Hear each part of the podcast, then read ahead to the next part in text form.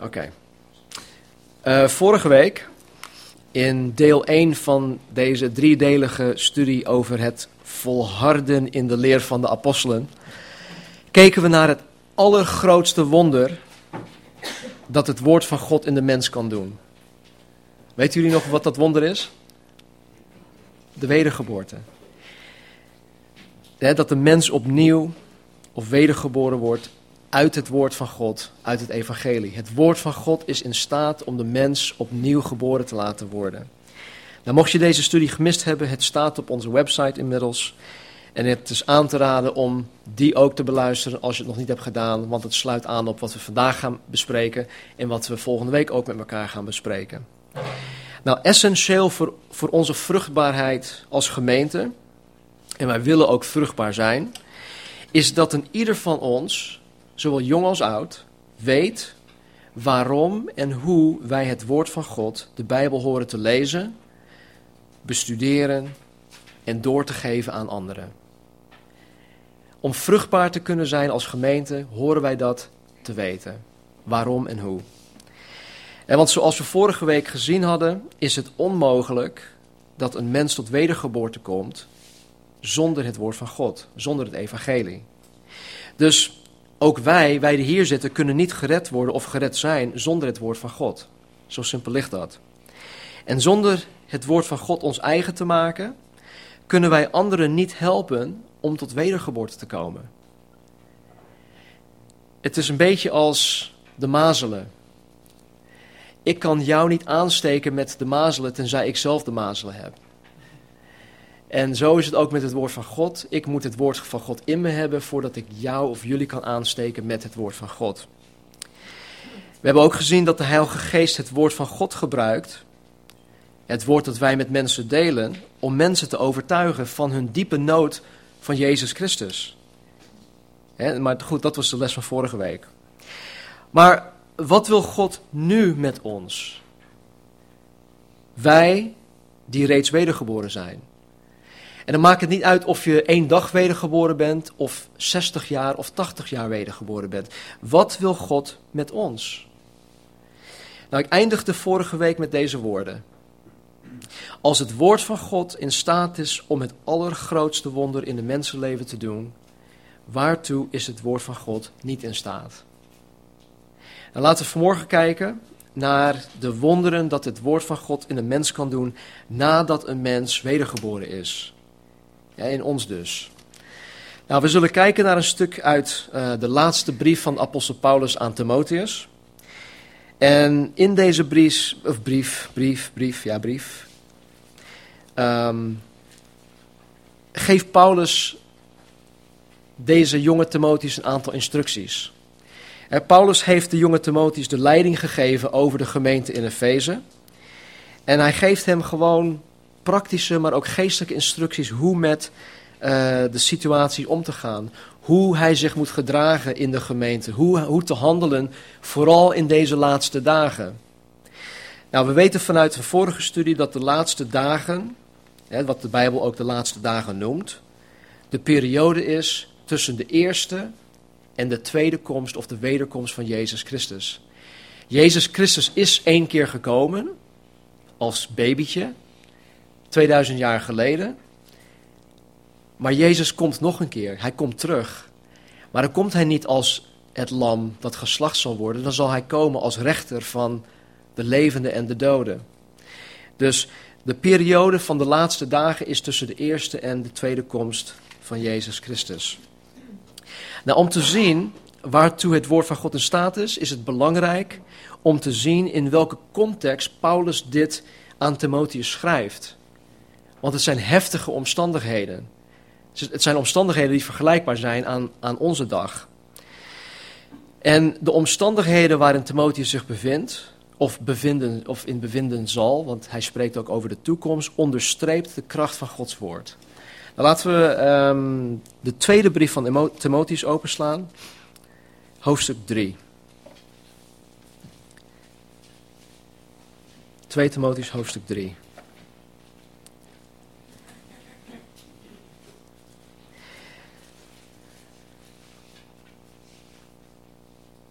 We gaan best wel een stuk, een, ja, we gaan het hele hoofdstuk lezen. Maar het gaat vandaag eigenlijk alleen maar om twee versen. En weet dit, dat in de laatste dagen zware tijden zullen aanbreken.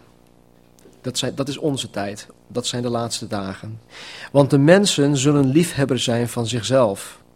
Geldzuchtig, grootsprekers, hoogmoedig, lasteraars, hun ouders ongehoorzaam, ondankbaar, onheilig, zonder natuurlijke liefde, onverzoenlijk, kwaadsprekers, onmatig, verwilderd, zonder liefde voor het goede, verraders, roekeloos, opgeblazen, meer liefhebbers van zingenot dan liefhebbers van God. Ze hebben een schijn van godsvrucht, maar hebben de kracht daarvan verlogend. Keer u ook van hen af. Nou, even verder naar vers 8, het tweede gedeelte. Het zijn mensen met een verdorven verstand en een geloof dat de toets niet kan doorstaan. Vers 10.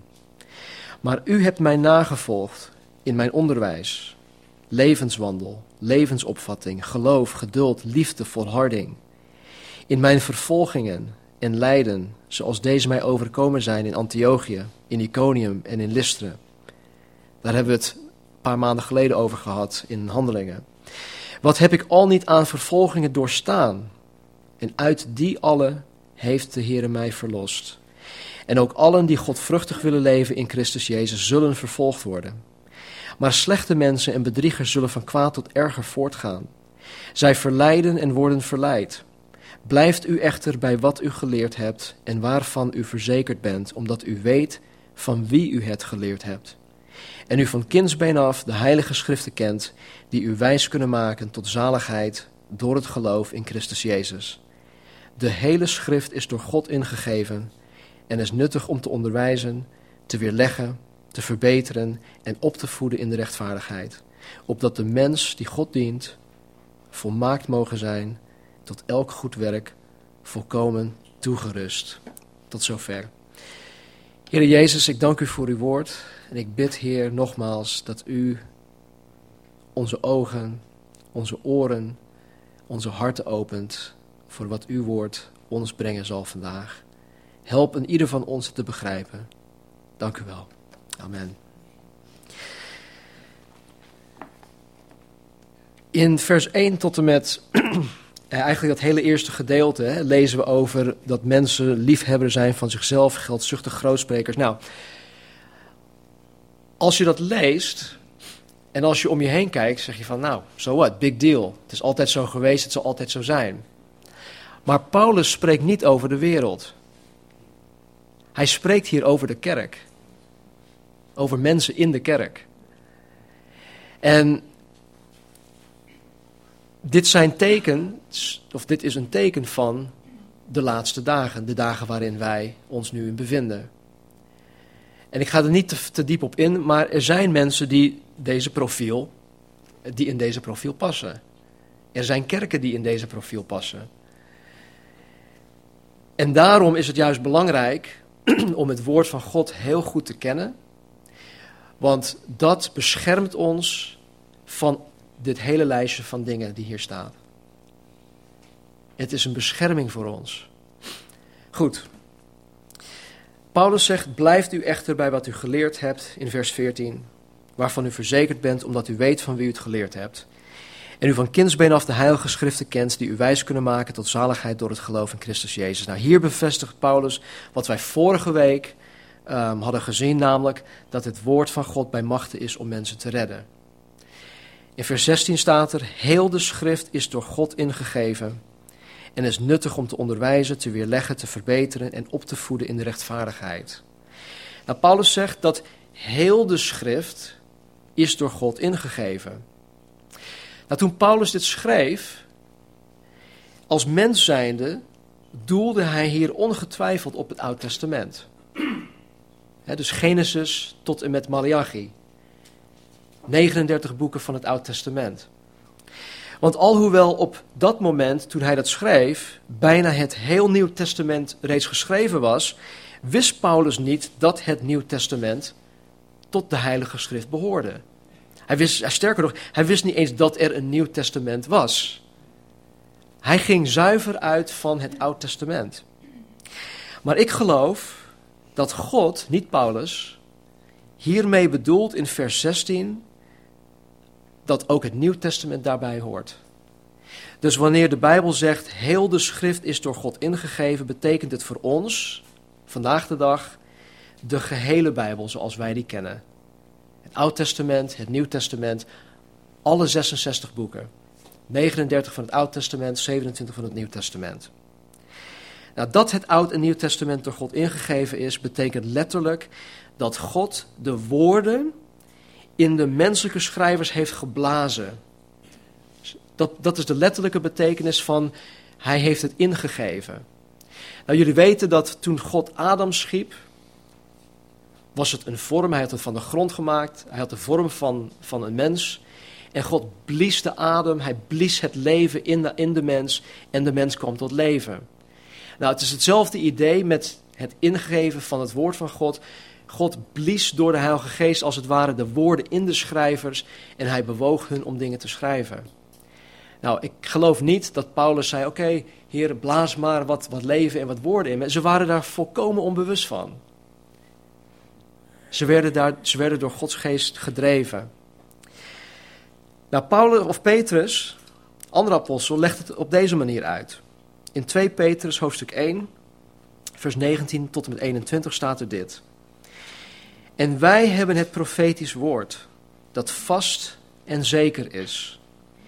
Dit moet u allereerst weten, dat geen enkele profetie van de schrift een eigenmachtige uitleg toelaat.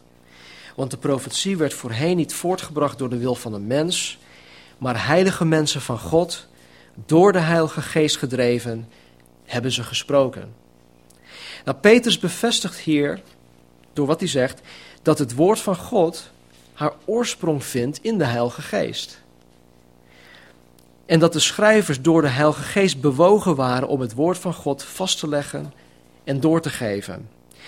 Nou, volgende week, wanneer we gaan kijken naar hoe wij met de Bijbel om horen te gaan, hoe wij de Bijbel horen te lezen, hoe we het horen te bestuderen, zullen we um, langer stilstaan bij deze versen van Petrus. Maar voor vandaag wil ik me echt richten op 2 Timotheus 3, 16 en 17. Dus heel de schrift is door God ingegeven. En dan staat er, is nuttig om te onderwijzen. De Bijbel onderwijst ons voornamelijk in leer of doctrine, zoals de Bijbel dat ook noemt.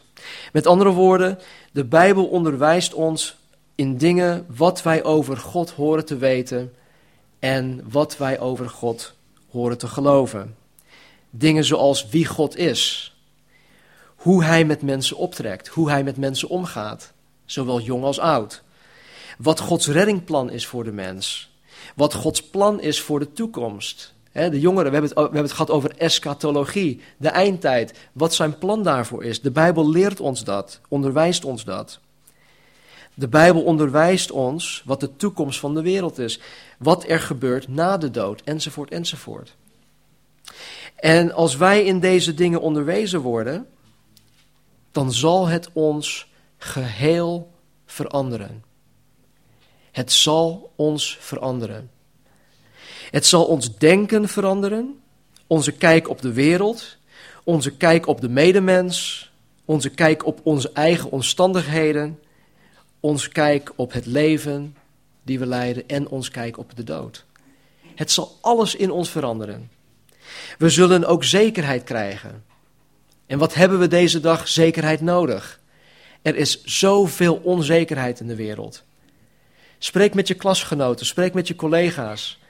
Spreek met mensen die niet met Jezus wandelen. Het enige ja, waar ze echt, wat ze echt willen hebben is, zekerheid. Zekerheid in hun baan. Zekerheid in de toekomst. Zekerheid dat ze hun pensioengat kunnen opvullen. Noem maar op. Ze willen zekerheid. De, de verzekeringsmaatschappijen bieden hun zekerheid. Maar wat zeggen ze altijd? Ook met de beleggingsfondsen. De behaalde resultaten bieden wat? Geen garantie voor de toekomst. Mensen, er is geen zekerheid buiten Jezus Christus. Het woord van God biedt ons zekerheid. In Romeinen 15:4 staat, staat dit. Want alles wat vroeger in de schrift is opgeschreven, is geschreven om ons iets te leren. Dankzij de volharding en de bemoediging die wij eruit putten, zijn wij vol hoop. En weet je, wanneer de Bijbel over hoop spreekt, is het niet zoiets van, nou, ik hoop maar dat het goed gaat komen. Nee, de Bijbel spreekt van hoop als zekerheid. De hoop die wij hebben in Jezus Christus, op Jezus Christus, de hoop die we hebben op de toekomst, dat is een zekerheid die wij hebben. Wij hebben zekerheid. Dus hoop is zekerheid. Bijbelse hoop dan. God wil dat wij zeker zijn van onze zaak.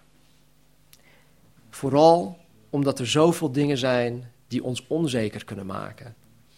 Dus, God wil dat wij na onze wedergeboorte onderwezen worden in de dingen van God. Dat wij ons aan de gezonde leer houden. En door het woord leert God ons Hem te kennen. Als ik God wil leren kennen, als jullie God willen leren kennen, dan is dat alleen mogelijk door onderwezen te worden in en door het woord van God. Je kan geen christen zijn, geen vruchtbare christen zijn, geen getuige zijn zonder het woord van God. Het is onmogelijk. Ik heb het jarenlang geprobeerd. Het resultaat was dat ik terugging in de wereld voor tien jaar. Het is dus niet mogelijk. Heel de schrift is door God ingegeven en is ook nuttig te weerleggen. Elk mens, elk mens, ook wedergeboren christenen, hebben verkeerde opvattingen over God. Ze hebben verkeerde opvattingen over het heil, verkeerde opvattingen over de wereld, de medemens, relaties, seks, enzovoort, enzovoort. De Bijbel is in staat om al onze misvattingen te weerleggen. Ofwel de onjuistheid van onze misvattingen aan te tonen. Ook heeft elke wedergeboren christen soms een verkeerd zelfbeeld. Sommige mensen onderschatten zichzelf, anderen overschatten zichzelf. En soms ziet een christen de ernst van zijn of haar zonde niet in. Soms denken ze dat zij zo bijzonder zijn dat God het door de vinger ziet. En dat God met hen een uitzondering maakt.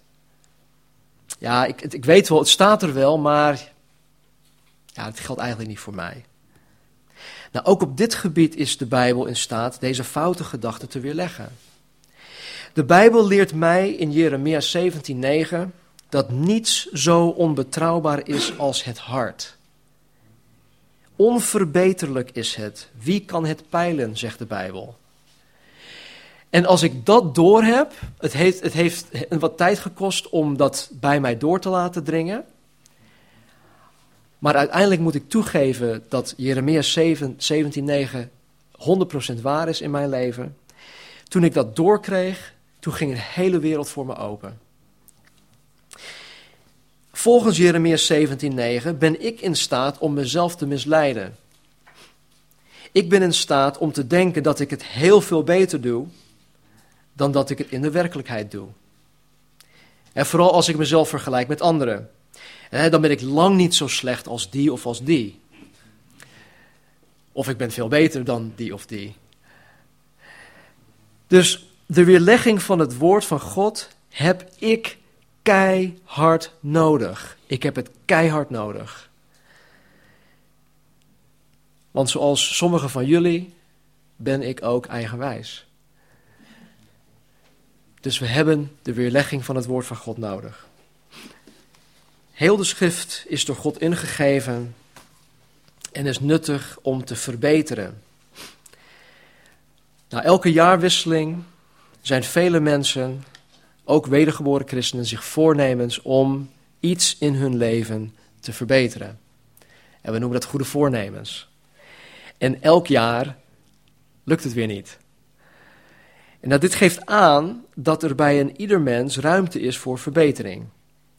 Maar dat het nogal moeilijk is om die verbetering te realiseren in ons leven. Nou, ik werk, zoals jullie weten, bij de Shell in Den Haag. En ik kom in aanraking met verschillende business units van, van Shell en wat ze allemaal doen. Dus uh, ik, ik zie wat aantal van die groepen ja, waar, waar ze mee bezig zijn. En het is wel leuk om gesprekken te voeren met, met die projectleiders of met uh, consultants en dat soort dingen. Nou, een van de takken van Shell houdt zich bezig met het doorlichten van energiebedrijven in het buitenland. Ze kijken, hè, Shell die komt dan binnen als de expert. En ze kijken kritisch naar de huidige situatie van, zeg maar, bedrijf A. Ze maken een beoordeling over dat bedrijf en stellen vervolgens een verbeteringsplan op. Nou, daar verdienen ze heel veel geld mee. Heb, je hebt het niet over uh, midden- en kleinbedrijf, je hebt het over gigantische olieraffinaderijen, je hebt het over uh, dingen waar de Russische overheid uh, aandeelhouder van is. En je hebt het dus echt over miljarden euro's. Dus ze verdienen daar veel geld mee. Nou, het woord van God doet in principe hetzelfde met ons. Wanneer ik de Bijbel biddend lees, dan neemt het woord van God mij, mijn persoon, onder de loep. ik, ik, word, ik word kritisch onderzocht door het woord van God. Ik word beoordeeld naar Gods maatstaven. En vervolgens leert God mij waar en hoe ik verbeteringen hoor aan te brengen in mijn leven, in mijn karakter. Dus dat doet Gods woord. Het woord van God maakt mij tot een beter mens. Jullie hoorden net van Thea dat ik nogal ondeugend was toen ik jong was. Nou, dat ben ik niet meer. Jong of ondeugend? Door het, ja, allebei. Door het woord van God. Het maakt mij tot een betere mens. Mijn vlees verandert geen schrijntje. Mijn vlees is net zo rot als het ooit was en het ooit zal zijn. Maar de geest van God die mag nu de boventoon voeren. Ja, goed. Um, het woord van God maakt mij tot een beter mens. Het maakt mij een beter dienstknecht van God, een beter echtgenoot, een beter vader voor mijn kinderen, een betere werknemer, een betere burger, een beter alles. Alles wat ik doe, alles dat ik ben, maakt het woord van God mij beter in? Nou, je kan, je kan wel zeggen van ja, oké, hallo. Ik zit toch op schoolsten en wiskunde en natuurkunde en scheikunde. Joh, hoe kan Gods woord mij daar nou in beter maken? Nou, oké, daar dat dus niet. Maar waar het gaat om karaktereigenschappen, waar het gaat om je relatie met God, relatie met je medemens, het woord van God is in staat om jou en mij daarin te blijven verbeteren. In de zakenwereld, in de jaren negentig, was er een soort buzzword en dat heette continuous improvement. een, een continu verbetering. Nou, de Bijbel, in, de Bijbel staat dat ook, maar het heet iets anders. Dat heet heiliging. En God zegt in 1 Thessalonicense 4, vers 3: dit is de wil van God, uw heiliging. Dus God wil dat wij Gods verbeteringsplan toepassen in ons leven. En wat is Gods verbeteringsplan? Het staat hier in het Oud en Nieuw Testament. De gehele Bijbel is door God ingegeven en is nuttig om op te voeden in rechtvaardigheid of gerechtigheid. In doing the right thing het juiste doen. Dat is wat God van mij verlangt. Maar als mens zijnde, en dat kunnen jullie ook beamen, is het juiste doen vaak heel subjectief. En vaak ga ik uit van wat juist is voor mij.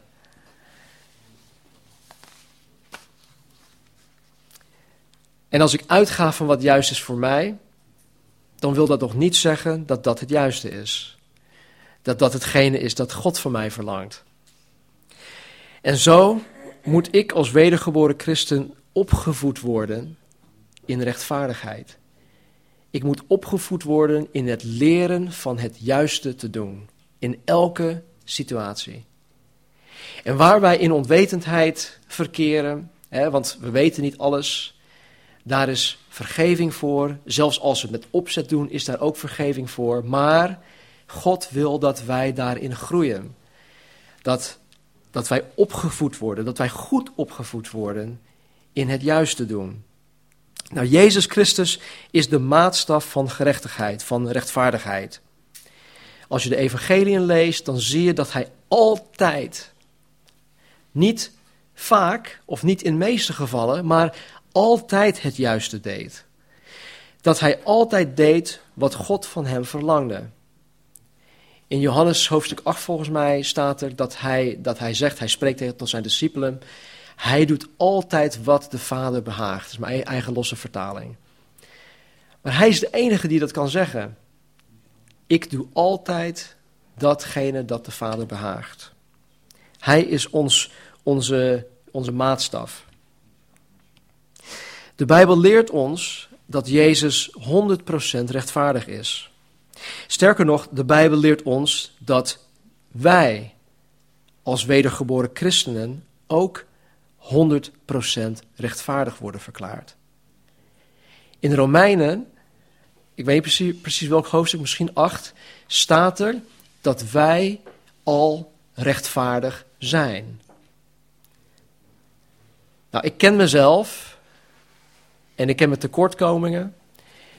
En als ik in de spiegel kijk en als ik in de spiegel van Gods woord kijk, van, joh, dan zeg ik, oh nee, ik ben er nog lang niet, ik ben niet rechtvaardig. Maar mijn 100% rechtvaardigheid zal niet in dit leven 100% tot uiting komen. Maar wat mijn positie betreft, hoe God mij door de bril van Jezus Christus ziet, is als 100% rechtvaardig. Dus mijn positie in Christus is 100% rechtvaardig. Ik ben positioneel 100% rechtvaardig. Alhoewel ik in de praktijk daar nog in tekort schiet. Nou, die wetenschap dat ik 100% rechtvaardig verklaard ben, zou mij moeten aanzetten tot een rechtvaardig leven. Het zou mij moeten aansporen om in elke situatie recht te leven, om in elke situatie het juiste te doen. In de bergreden gaf Jezus zijn discipelen een geweldige belofte in Matthäus hoofdstuk 5, vers 6. Hij zegt zalig, of een andere losse vertaling is dolgelukkig zijn zij die hongeren en dorsten naar de gerechtigheid of naar rechtvaardigheid. Want zij zullen verzadigd worden. God wil dat wij getraind worden in de rechtvaardigheid en de Bijbel is daarvoor het trainingshandboek. God belooft dat Hij ons zal verzadigen. Ofwel, dat Hij ons voldoening zal geven wanneer wij hunkeren naar het juiste te doen in alle situaties. En weet je, het is zo'n heerlijk gevoel als je nadat je ontzettend honger hebt gehad en dorst hebt gehad, een fantastische maaltijd op hebt, dan ben je verzadigd je bent tevreden, dan zit je aan tafel. Oh, heerlijk, ik heb heerlijk gegeten. Je kent dat gevoel van voldoening, van verzadigdheid. Laten we ook hongeren en dorsten naar de gerechtigheid. Hoe moeilijk dat ook kan zijn, want het is niet makkelijk. En de wereld zal ons ook niet op, op een voetstuk plaatsen als wij hongeren en dorsten naar gerechtigheid. Ze zullen ons eerder vervolgen. Ze zullen ons eerder uitschelden als wij het juiste willen doen. Vers 17. Opdat de mens die God dient volmaakt mogen zijn, tot elk goed werk volkomen toegerust. Paulus suggereert dat elke wedergeboren christen God dient. En dat is juist. En want elke christen is geroepen om God te dienen. God te dienen is niet facultatief. je hebt, je jullie die, op school zitten, hebben zo'n uh, zo'n keuzevak. Nou, even kijken, ik, doe dat of uh, nee, ik doe die of die. Uh, even denken, nee, ik doe die wel. zal ik God dienen, ja of nee? Nee, het is niet facultatief. Het is niet optioneel. En omdat elke wedergeboren christen geroepen is om God te dienen, heeft God er ook voor gezorgd dat Hij ons in staat stelt om Hem te dienen. Hij maakt het ons mogelijk. En de primaire manier waarop God ons in staat stelt op Hem te dienen, is door het woord van God ons eigen te maken. Om het woord van God te gehoorzamen. God heeft aan ons die wedergeboren zijn, wedergeboren zijn de Bijbel gegeven, opdat wij volmaakt mogen zijn. Tot elk goed werk volkomen toegerust. Door hier te zeggen, wat Paulus zegt, opdat wij volmaakt mogen zijn, leert de Bijbel ons niet dat wij in dit leven volmaakt zullen worden. Wij zullen in dit leven niet volmaakt zijn. Nooit. Dit spreekt van geschikt zijn. Het spreekt van in staat zijn of voldoende toegerust zijn om Hem te dienen. Dat is, die volmaaktheid. Tot elk goed werk volkomen toegerust betekent dat God ons zelfs persoonlijk afwerkt tot in de kleinste detail. In Efeze hoofdstuk 2, vers 8 en 9 staat er dat wij zijn maaksel zijn. En dat Hij ons maakt, Hij vormt ons. En hier staat er dus dat Hij ons vormt, Hij ons afwerkt tot in de kleinste detail. Wij hebben het voorrecht gehad, Marnie en ik, en Arto ook uh, van de week, om een, uh, een, een, een, een, 50, een, jacht van 50 meter te zien in, uh, in, in Makkum in Friesland. Het is een jacht van 18 jaar oud, maar hij is geheel gerestaureerd. En alles is eruit gegaan en alles is weer nieuw. En ik heb die jongens, die mannen aan het werk zien gaan. En ik heb gezien hoe ze bijvoorbeeld de, de handrelings van hout uh, met, uh, met heel fijn schuurpapier alle stof, stofdeeltjes uh, weg hebben geschuurd en dan weer opnieuw in de lak hebben gezet. En dan gekeken van, oh nee, dat is niet goed. Nou, weer even, even opschuren, want er zit een stofdeeltje op. Zo kijkt God ons ook naar ons. En hier staat dus hè, dat wij um, tot elk goed werk volkomen toegerust zijn, dat Hij ons tot in de kleinste, de, de kleinste detail afwerkt, zodat we Hem kunnen dienen. Zodat we vruchtbaar zullen zijn in het dienen van God. Het is Gods werk in ons. Wij zijn Zijn maaksel. En daartoe zijn wij geroepen om goede werken te doen. Het goede te doen, het juiste te doen. En het goede doen, het juiste doen, is uiteindelijk de vrucht van een gezond geestelijk leven. Het komt tot uiting. We kunnen het niet voor onszelf houden. Dus om terug te komen op de vraag aan het begin: wat wil God nu met ons? Wij die reeds wedergeboren zijn, of het nu voor een dag is of voor 60 jaar. Wat wil God met ons? Eh, misschien zit je vanmorgen met de vraag: wat wil God nou met mijn leven? Wat heeft God voor mijn leven?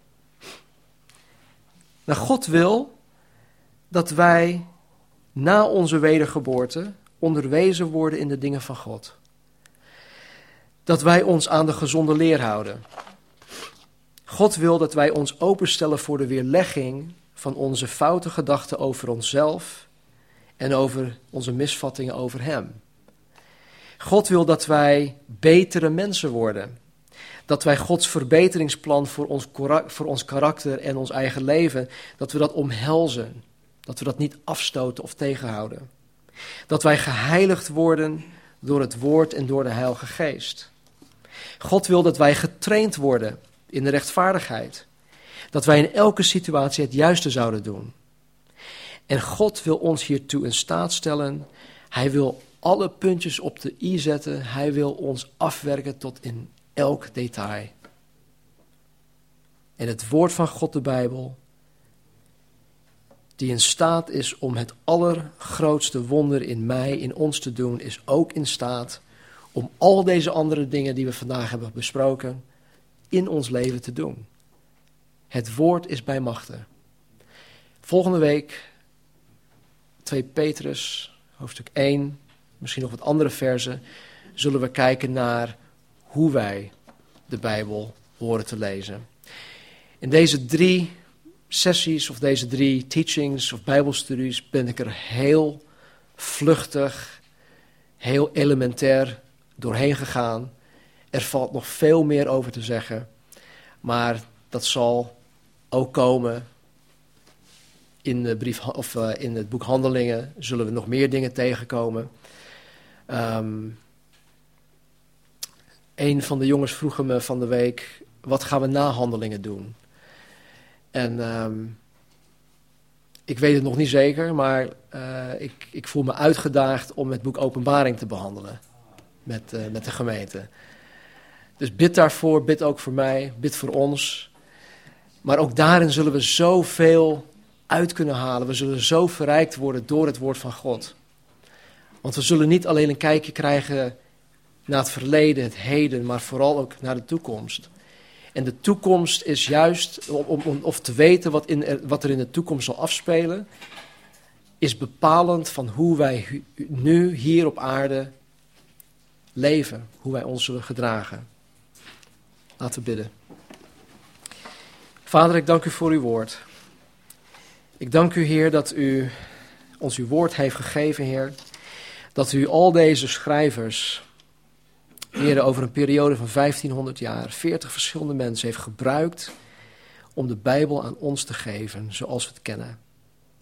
Dank u, Heer, dat u uw woord als het ware in hun heeft geblazen, dat u hun bewogen heeft, Heer. Dat u hun uh, ertoe gedreven hebt om het woord vast te leggen. Heer, voor ons gebruik, om ons te leren, om ons te onderwijzen, om ons te weerleggen, om ons um, te trainen in de gerechtigheid. Heer, om het juiste te doen. Heer, om ons te verbeteren. Heer, om een beter mens te worden. En zo, Heer, dank ik u voor uw woord. Uiteindelijk, Heer, is het uw Heilige Geest die uw woord gebruikt in ons leven om al deze dingen in ons leven te bewerkstelligen. En zo, Heer, bid ik u, Heilige Geest, dat u dat in ons leven zal doen.